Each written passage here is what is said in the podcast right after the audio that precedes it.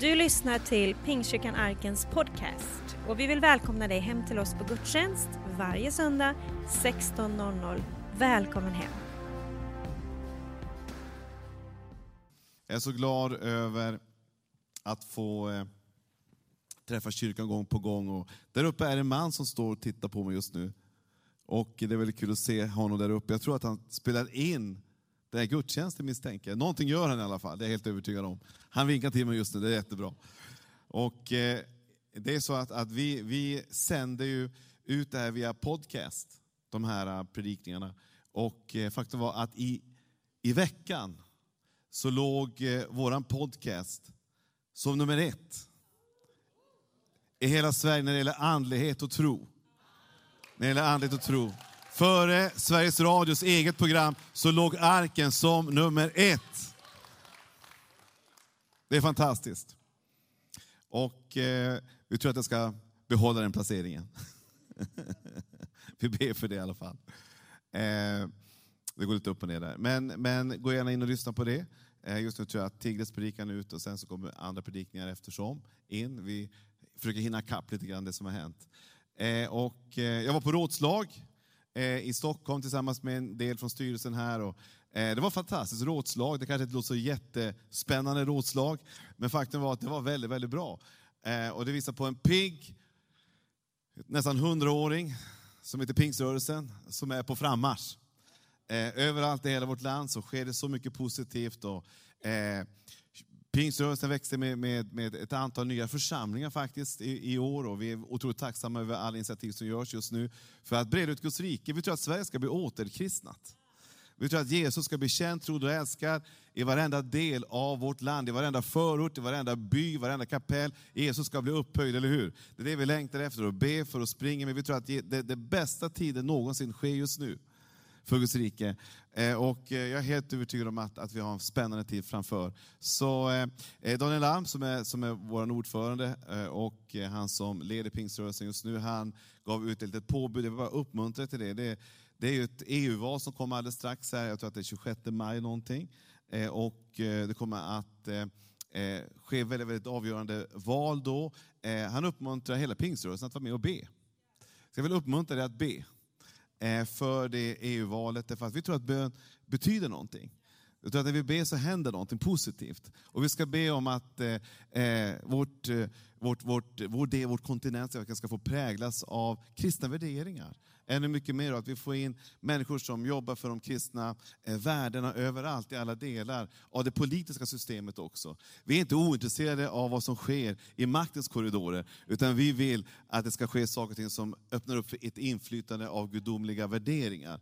Därför att vi tror på att det är det bästa sättet att bygga ett land på, faktiskt en hel kontinent på. Vi tror på att Jesus ska få vara en del av det också. Så be för det. Klockan 15, ställ en klocka eller vad ni har för någonting. Lägg in det, det kommer pipa säkert, gör ingenting. Be en liten stund, det betyder jättemycket. Tänk om alla 85 000 kunde göra det, pingstvänner. Det har en otrolig kraft i det. Eh, och det kommer betyda väldigt mycket. Så jag vill bara uppmuntra till det. Nästa vecka, du vet, så har vi Tiglet här. Eh, och jag bara uppmuntra er nu att eh, ta med er kompisar, vänner, kollegor. Han kommer att ge ett budskap som kommer att uppmuntra, som kommer att hjälpa människor att koppla med Jesus. Eh, så jag vill bara uppmuntra dig att ta med. han är en evangelist. I den bemärkelsen att han på ett väldigt speciellt sätt kan presentera Jesus och få människor att koppla med honom. Eh, och speciellt människor som kanske aldrig går i kyrkan. Eh, du kanske har en kollega som du känner, ja den här skulle behöva komma. Ta med den kollegan, ta med den klasskompisen, ta med den vännen. Det kommer bli ett väldigt, väldigt spännande möte nästa vecka här. Och det är så att Vision, vår konferens i oktober, november, fyller 60 år. 60 år. Det är ju anrikt. Det är ju enastående, jag hade ingen aning om det. Men det är ju fantastiskt. Tänk att det har hållit på i 60 år. Det, det, kallar, jag, det kallar jag för maraton. Alltså det, man, man ger aldrig upp, man håller på år efter år. Eh, och nu sker det igen här och vi vill fira det, eller hur? Som församling. Är det för att det har präglats hundratals ungdomar har, har mött Jesus här och fått sina liv förvandlade. Jag, jag möter de ungdomarna ut över hela vårt land och är med och bygger kyrkor. Det betyder enormt mycket den visions konferensen. Och nästa vecka kommer, vi lite speciellt dra för det. Eh, och vi kommer också att lansera några av våra talare som kommer att vara här den konferensen. Eh, det kommer bli väldigt, väldigt spännande. Så dra hit alla ungdomar också. Vi kommer ha en fantastisk stund tillsammans. Så eh, eh ni vet om att det är maskrostider nu. Det är maskrosor överallt. Jag var inne på toaletten här, det, det, det flög maskrosfrön där inne, även där. Maskrosorna är även inne i arken just nu, bara så ni vet det. De finns överallt. Eh, och eh, jag hade en, en eh, granne, han var fransman, han, han hette Vergil. Och han, han hade en egenskap, det var att han, han, han vägrade att klippa sin gräsmatta. För det var ju så vackra blommor på den. De är gula, han fransman. Han visste ingenting. De är gula, fina blommorna. Det, vi kan ju inte klippa dem förrän det är över. Till grannarnas förtret, för det, det, det var ju enormt gult. Och sen kom alla frön och föll på våran gräsmatta och ut över hela grannskapet. Så han var inte jättepopulär kan jag säga, den fransmannen. För han älskar de här fina maskrosorna. Men det finns någonting i maskrosorna som är enastående. Det är en otrolig kraft i det. Ett maskrosfrön har en otrolig kraft i sig när det väl får hamna i den rätta myllan. Att kunna spränga igenom det mest hårdnackade, envisa trycket som kan ligga ovanpå. Till och med asfalt har man sett att maskrosor kan, kan bryta igenom. Eh, och eh, Det är någonting jag bara skulle vilja landa i. Det finns en kraft som kan bryta igenom det mest svåra och utmanande. Livet i sig själv har en otrolig kraft. Eh, man brukar tala om maskrosbarn ibland personer som växer upp i en väldigt utmanande miljö. Men, men på grund av att, att någonting här inne, som finns där inne, intakt, gör att man kan ta sig igenom även en sån svår period och komma ut på andra sidan och ändå kunna vara en person som kan vara till hjälp för andra människor. Det finns en kraft där. Eh, och faktum är att när vi talar om, om, om, om Jesus så talar vi väldigt mycket om kraft. Det finns en kraft i Jesus. Det finns en kraft i vad han ger för någonting. Och det han ger framförallt det är den helige Ande. Så jag ska tala lite grann om den helige Ande i dig. Som en kraft som kan bryta igenom det mest utmanande i våra liv.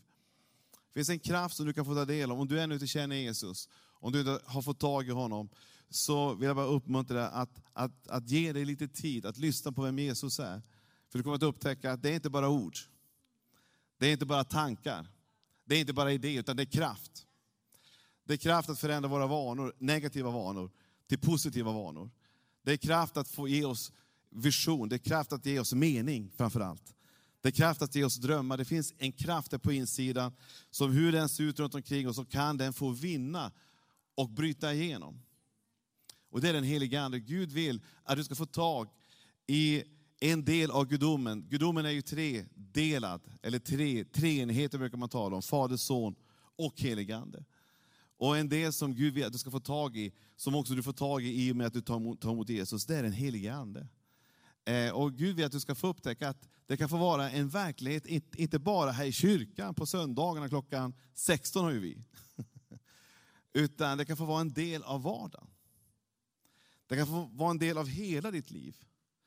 Och faktum är att Jesus själv lärde oss hur vi ska relatera till den helige Ande. Därför att Jesus själv, han var helt beroende av honom. Det står i Bibeln gång på gång att den helige Ande dyker upp där Jesus var. Och den helige Ande hade en förmåga att leda även Jesus. Det står inte att Jesus ledde sig själv, det står att Jesus leddes av någon.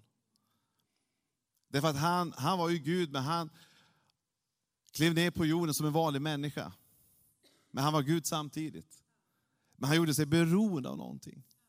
Och Gud vill att du ska få tag i samma beroende du också. I vad då? Ja, i den heliga Ande. Gud vill att du ska få tag och bli beroende av honom. Det står så här om honom i Lukas evangeliet 4 och 1. Uppfylld av den helige Ande återvände Jesus från Jordan och leddes av anden omkring i öknen. Ser ni här? Jesus leddes av någon. Anden, vart då? Omkring i öknen. Det låter inte så jätteroligt.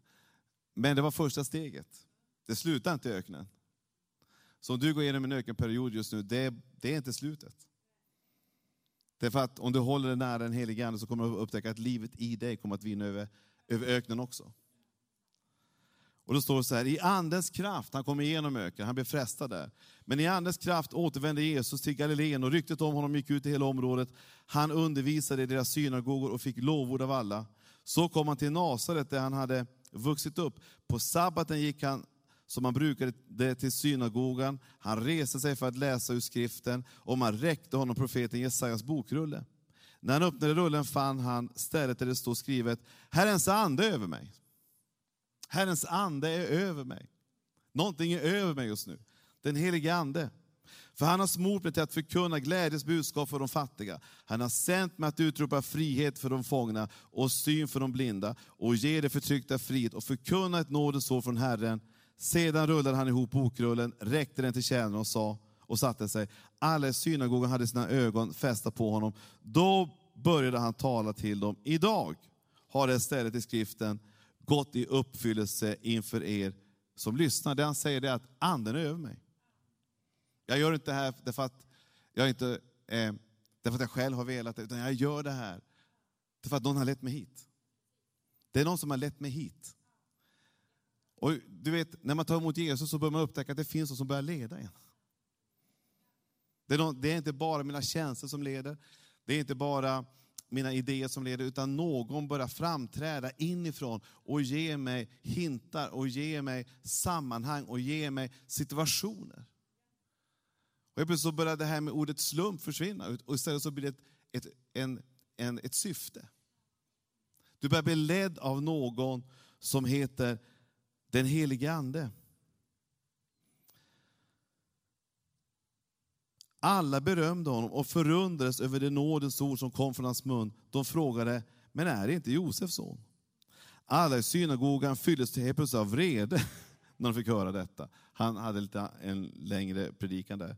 De reste sig och drev ut honom ur staden och förde honom fram till branten av det berg där deras stav var byggt för att kasta ner honom. Men han gick rakt igenom folkhopen och vandrade sedan vidare.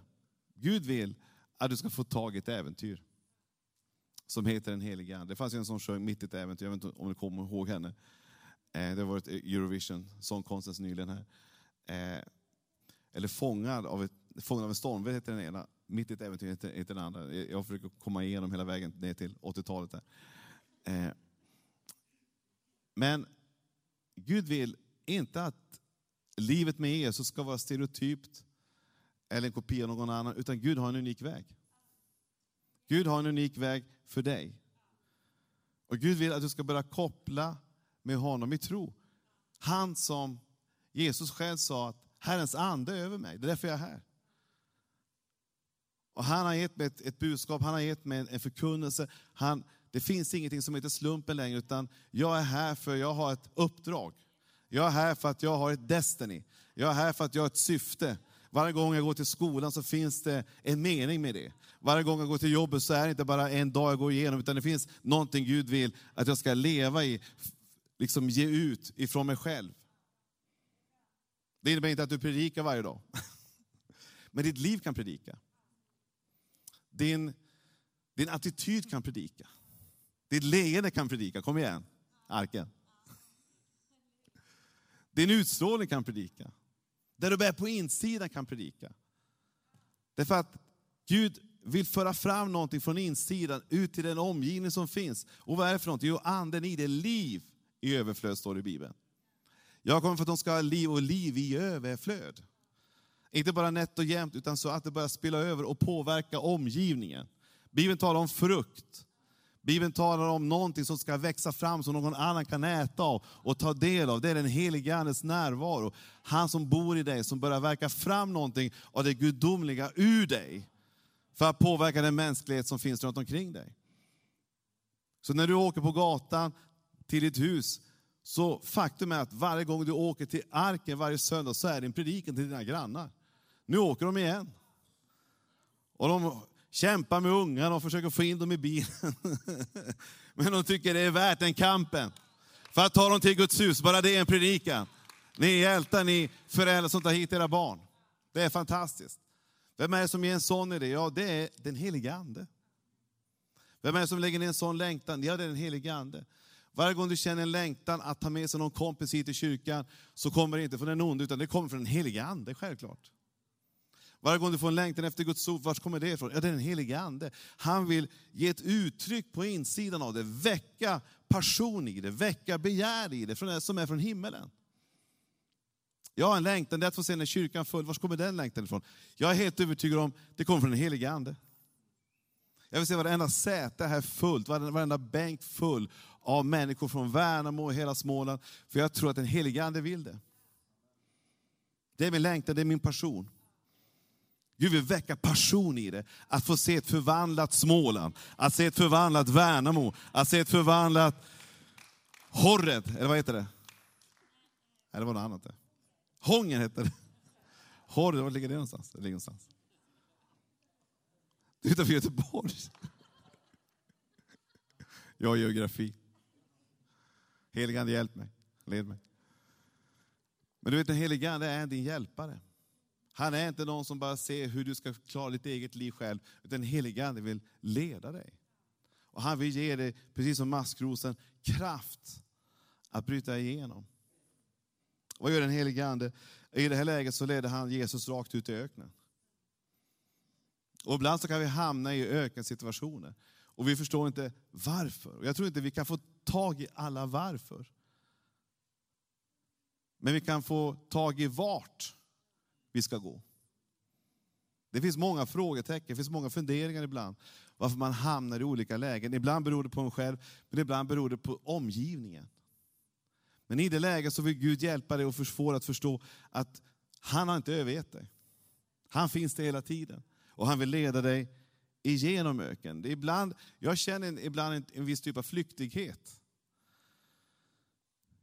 Men när du börjar samarbeta med den helige Ande blir du rotad. Du blir planterad i någonting. Du känner att rötterna börjar gå ner. Men för att den helige Ande ledde Jesus ut i öknen, han var inte där 39 dagar, eller 39 och en halv dag, utan han var det i hela 40 dagar. Så länge som anden ville, så länge var han i öknen. Därför att han ville lära, han ville visa Jesus saker och ting.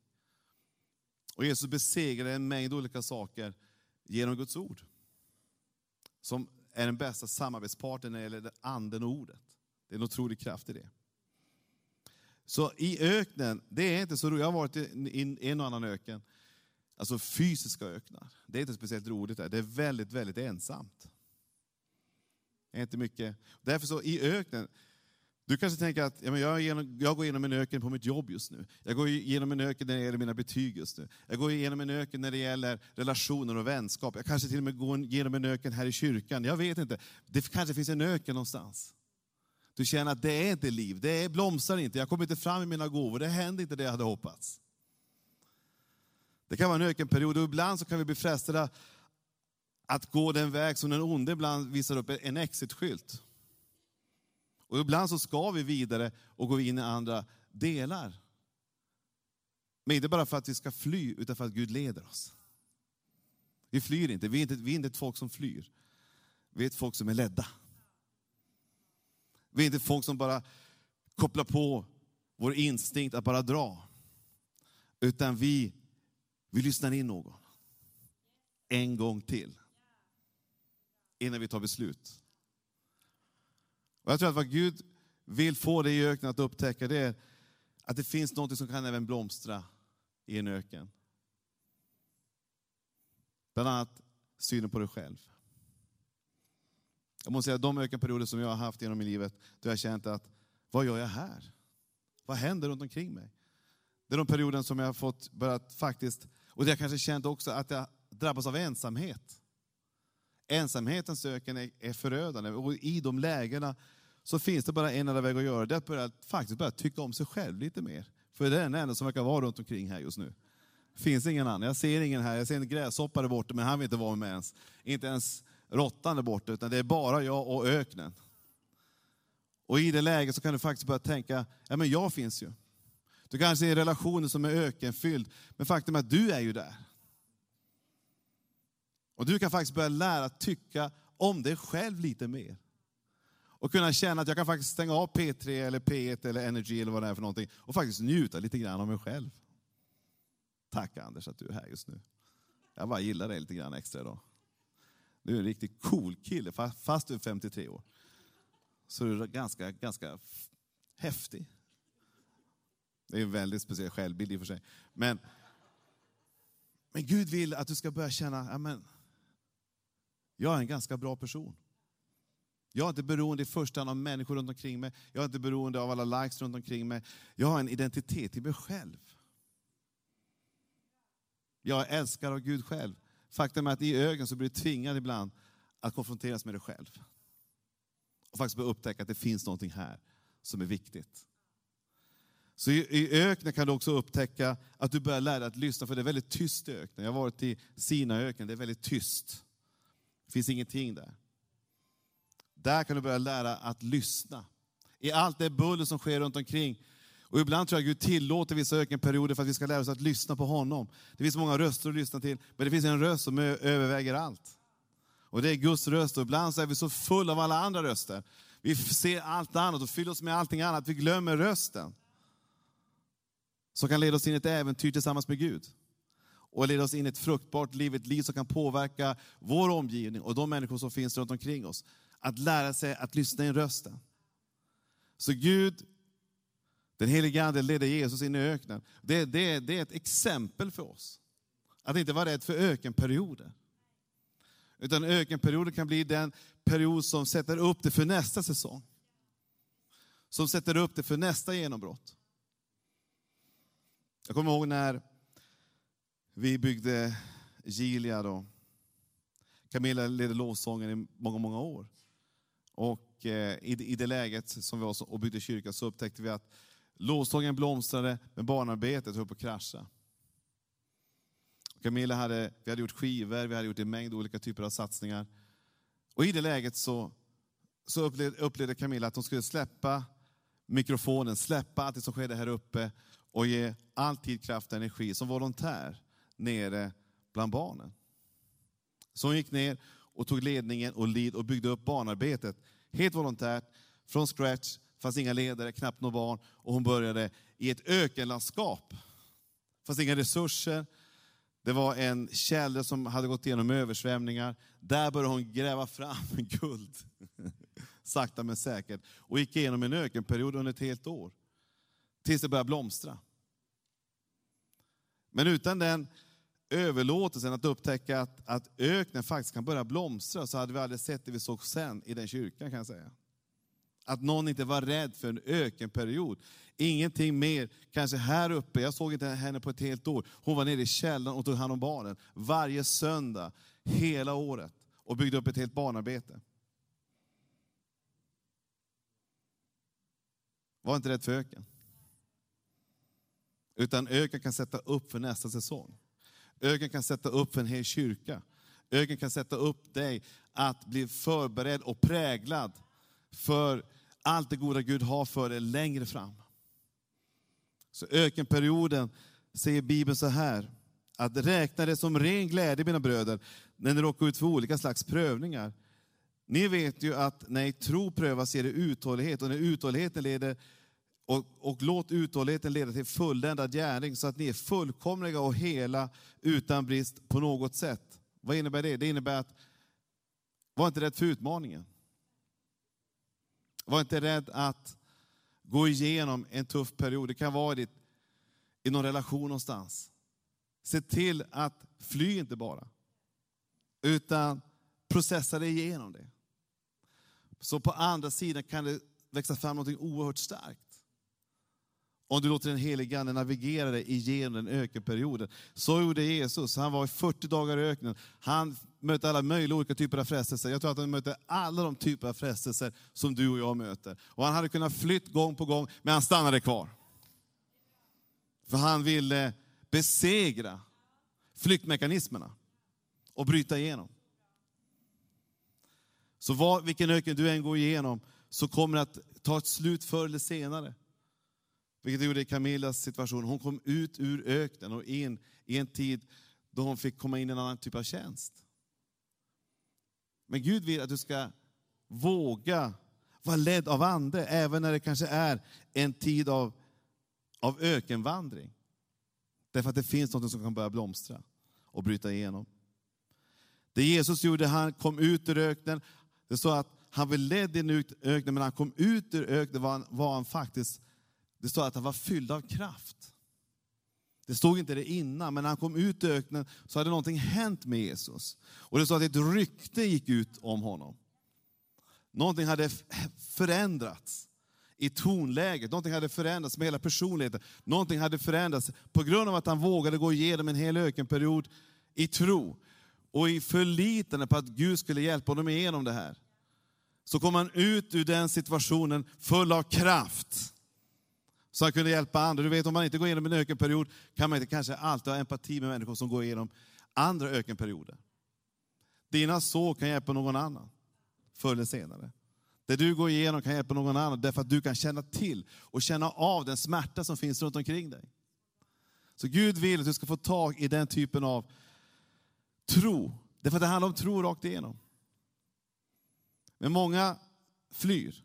Men Gud vill att du ska plantera dig i det Gud har tänkt att du ska plantera dig och lyssna in hans röst och hans vägledning. Och ibland säger han gå, då ska man gå, men ibland säger han stå kvar. Så var ledd av Guds ande, inte dina känslor i första hand. För känslan kan spela spratt med oss. Ledd ut ur boxen.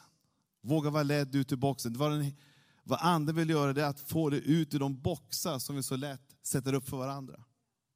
Det finns boxar som kan bli som små fängelser för oss. Jesus, det står om honom att han kom in i Nasaret och predikade Guds ord. Och eh, folk var lyriska först. Men sen började de tänka, vänta nu, det är något som inte stämmer här. Är inte det här, är inte det här snickaren Josefs son? Är inte, han, är inte han en snickare bara? Han är väl ingen predikant? Och det blev en, en, en krock. Dessutom så sa han att Guds ande är över mig, så han, han, han kom ut till en helt ny nivå. Och provocerade de som var i synagogan. Det är så att alla blev vansinniga på honom. Tänk på predikant som lyckas göra alla vansinniga i en församling. Alltså. Varenda en vill, du vill till och med kasta ut honom för ett stup. Då har du verkligen retat upp alltså, folk med sanningens ord. På en helt ny nivå. Jag är inte där än. Det här är alla så glada och vänliga. Men i det här läget så var det ingen trevlig publik kan jag säga. Utan de ville kasta Guds son ut för ett stup. För att han, han, han vägrade att vara i en box. Min hälsning till dig, vägra vara i mänskliga boxar. Utan få tag i vad Gud säger om det istället. Inte vad mamma och pappa, mamma och pappa gör allt vad de kan för att få det att, att gå en väg och de vill ge dig utrustning och allting. Men, men det finns en röst som är högre än det till och med. Och det är Guds ord. Det är Guds röst.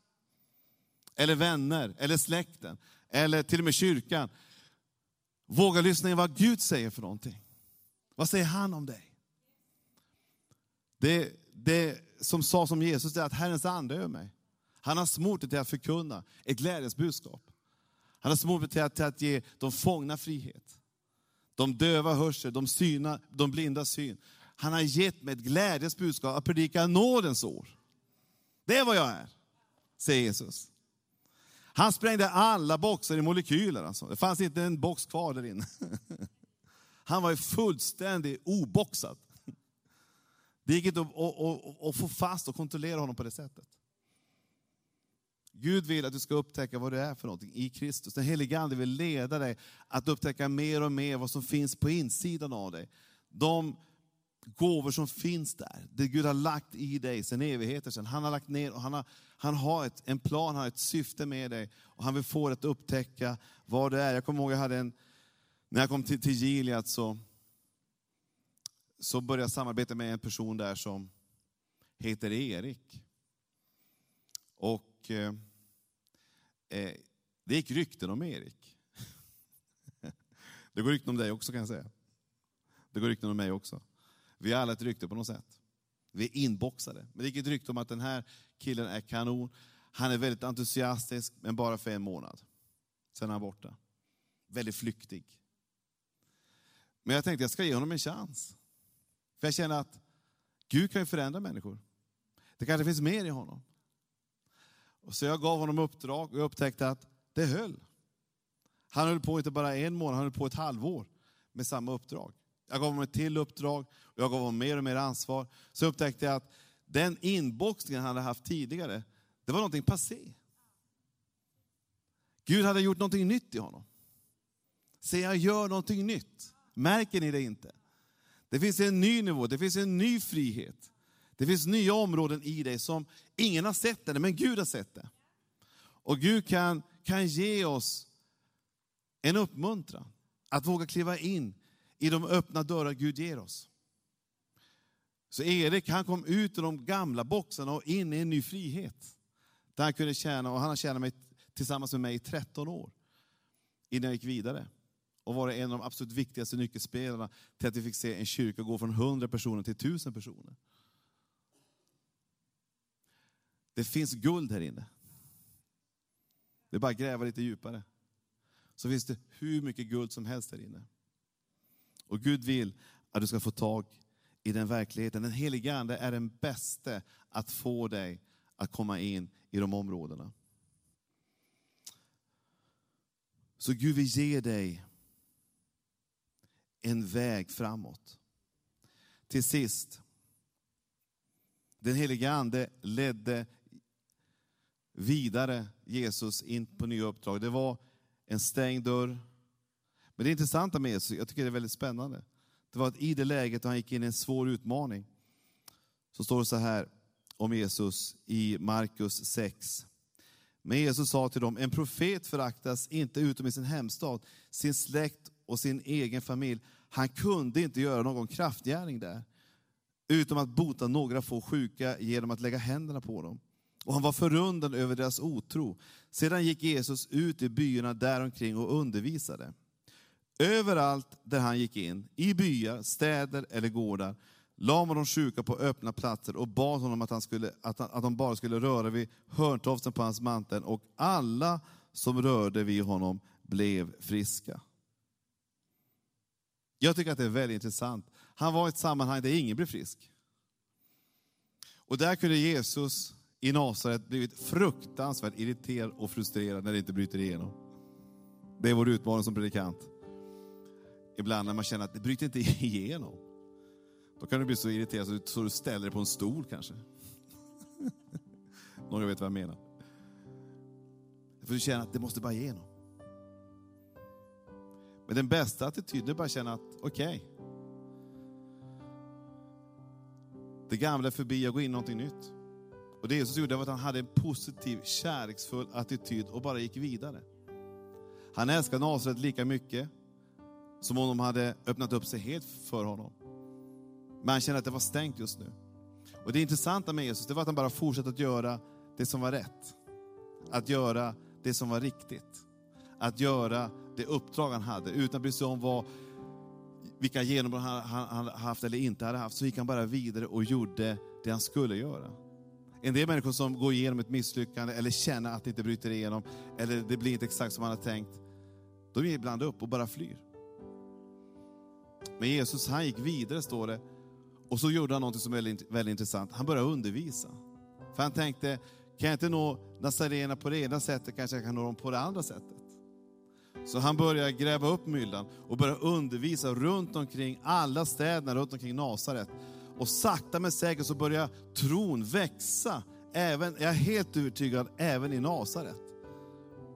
Han börjar fortsätta att undervisa och successivt så börjar tron växa och det blir en helt ny atmosfär i hela det området. Det står till och med att alla som kom till honom blev friska.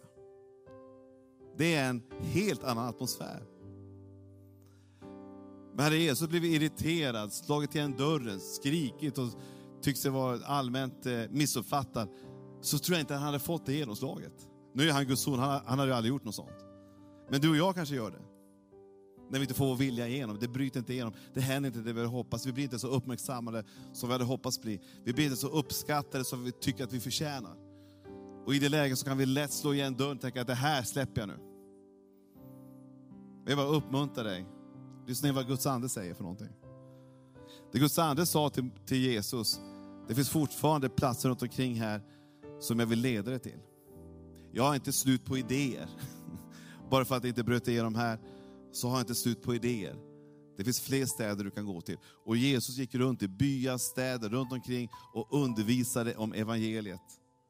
Och atmosfären lyftes runt omkring. Och jag är helt övertygad om att det spillde över in på Nasaret också.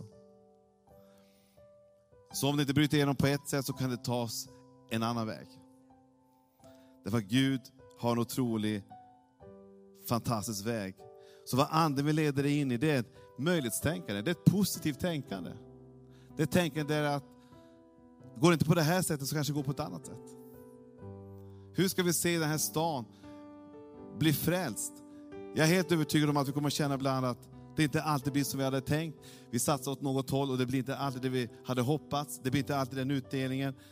Men vi är inte ett folk som ger upp, utan vi fortsätter. Därför att i det läget så kommer Gud att visa oss på andra vägar, på andra möjligheter och på andra uttryckssätt för att nå fram med evangeliet. För vad anden gör till sist, det är att han slutar aldrig att leda oss framåt. Han leder oss aldrig bakåt. Han leder oss vidare framåt. Han leder oss inte tillbaka att grotta i gamla förorätter eller utmaningar där saker inte blev som vi hade tänkt, utan han leder oss alltid in på sina vägar. Att få se ett genombrott och en förvandling. Och vad som skedde i det här läget, det var att Jesus ledde dem fram till ett genombrott i hela den, den delen. Jesus blev som ett mobilt sjukhus kan man säga. Överallt när han gick fram så blev folk frälsta och helade. En person som ryckt en tjur i svansen har lärt sig 60 eller 70 gånger mer om tjurar än den som inte gjort det. Det är en sanning jag vill ge till slut här. Vad innebär det? Det innebär att vara lite nyfiken på livet. Våga gå på den magkänsla Gud ger dig. Våga ta risker, för den helige Ande kommer att leda dig ibland till att våga kliva ur din säkerhetszon, där du är trygg och känner att du alltid känner till det. Och kliva ut i någonting som kan vara lite osäkert, men du känner att ibland så bär det, men ibland så bär det inte. Men det du gör, det är att du lär dig någonting. När det gäller att få någon hit till kyrkan exempelvis, någon granne, kompis, vän, du kanske aldrig har bjudit hit någon. Det är att kliva ur sin säkerhetszon och kliva ut i det okända och tänka, oj, tänk om man säger nej. Ja, det kanske han gör. Men om du håller på och tjatar i 15 år, jag är helt övertygad om att en vacker dag så kommer han hit. Går det inte på det ena sättet så går det på det andra sättet. Det här var ett citat av Mark Twain. Och jag tror att det gäller idag också. Våga ta en risk. Den helige Ande kommer alltid att leda dig in att våga ta en risk med Gud. Det handlar om tro. Det handlar om att våga ta ett steg tillsammans med honom. Så vad den helige Ande gjorde med Jesus, det var att han ledde honom in i öknen, men han kom ut ur den med kraft. Den helige Ande ledde honom ut ur boxen och in i det fält av välsignelser som han skulle flöda i och beröra människor. Den helige Ande leder honom alltid in i en positiv attityd, även när saker inte blev exakt som man hade kanske hoppats. För det står att Jesus blev förvånad över att det inte fanns den tro han hade hoppats i Nasaret. Men det gjorde inte att han slutade sin tjänst, utan han fortsatte självklart att predika evangelium för hela den delen. Och fortfarande så, så genljuder den tron rakt in i våra liv. Att ge inte upp. Den helige Ande är otrolig på att coacha dig vidare framåt, även om du möter en och annan motgång, så vill den helige Ande säga, kom igen. Res dig igen. Come on. Du klarar det här en gång till. Ta ett steg till. Ge inte upp. Om du lyssnar på den rösten, det finns en annan röst också. Men Gud vill ge dig en röst som säger, så ta något positivt. Jag brukar ibland, faktiskt i vissa lägen, där jag känner att det är utmaningar runt omkring mig, säga, helige Ande, nu sitter jag här just nu. Säg något positivt för allt i världen. Bara något. Du är älskad. Jag gillar dig. Du har en framtid. Du har ett hopp. Du har gåvor. Du är fantastisk. Du är en hjälte. Du är favoriserad. Du är mitt barn. The best is yet to come. Ibland säger han engelska. Bara för att uppmuntra oss. Att ta oss vidare framåt. Så lyssna inte bara på de negativa rösterna, lyssna på Guds röst rakt in i ditt hjärta. Framförallt från Guds ord. Den helige Ande är otrolig på att förstärka det ordet och ge dig någonting att hålla fast vid. Även när saker inte alltid blir som vi hade hoppats eller tänkt. Ska vi be till Jesus? Du har lyssnat på söndagens predikan från Pingstkyrkan Arken i Värnamo. Vill du komma i kontakt med oss eh, hittar du oss på arkenvemo.se. Välkommen hem till oss!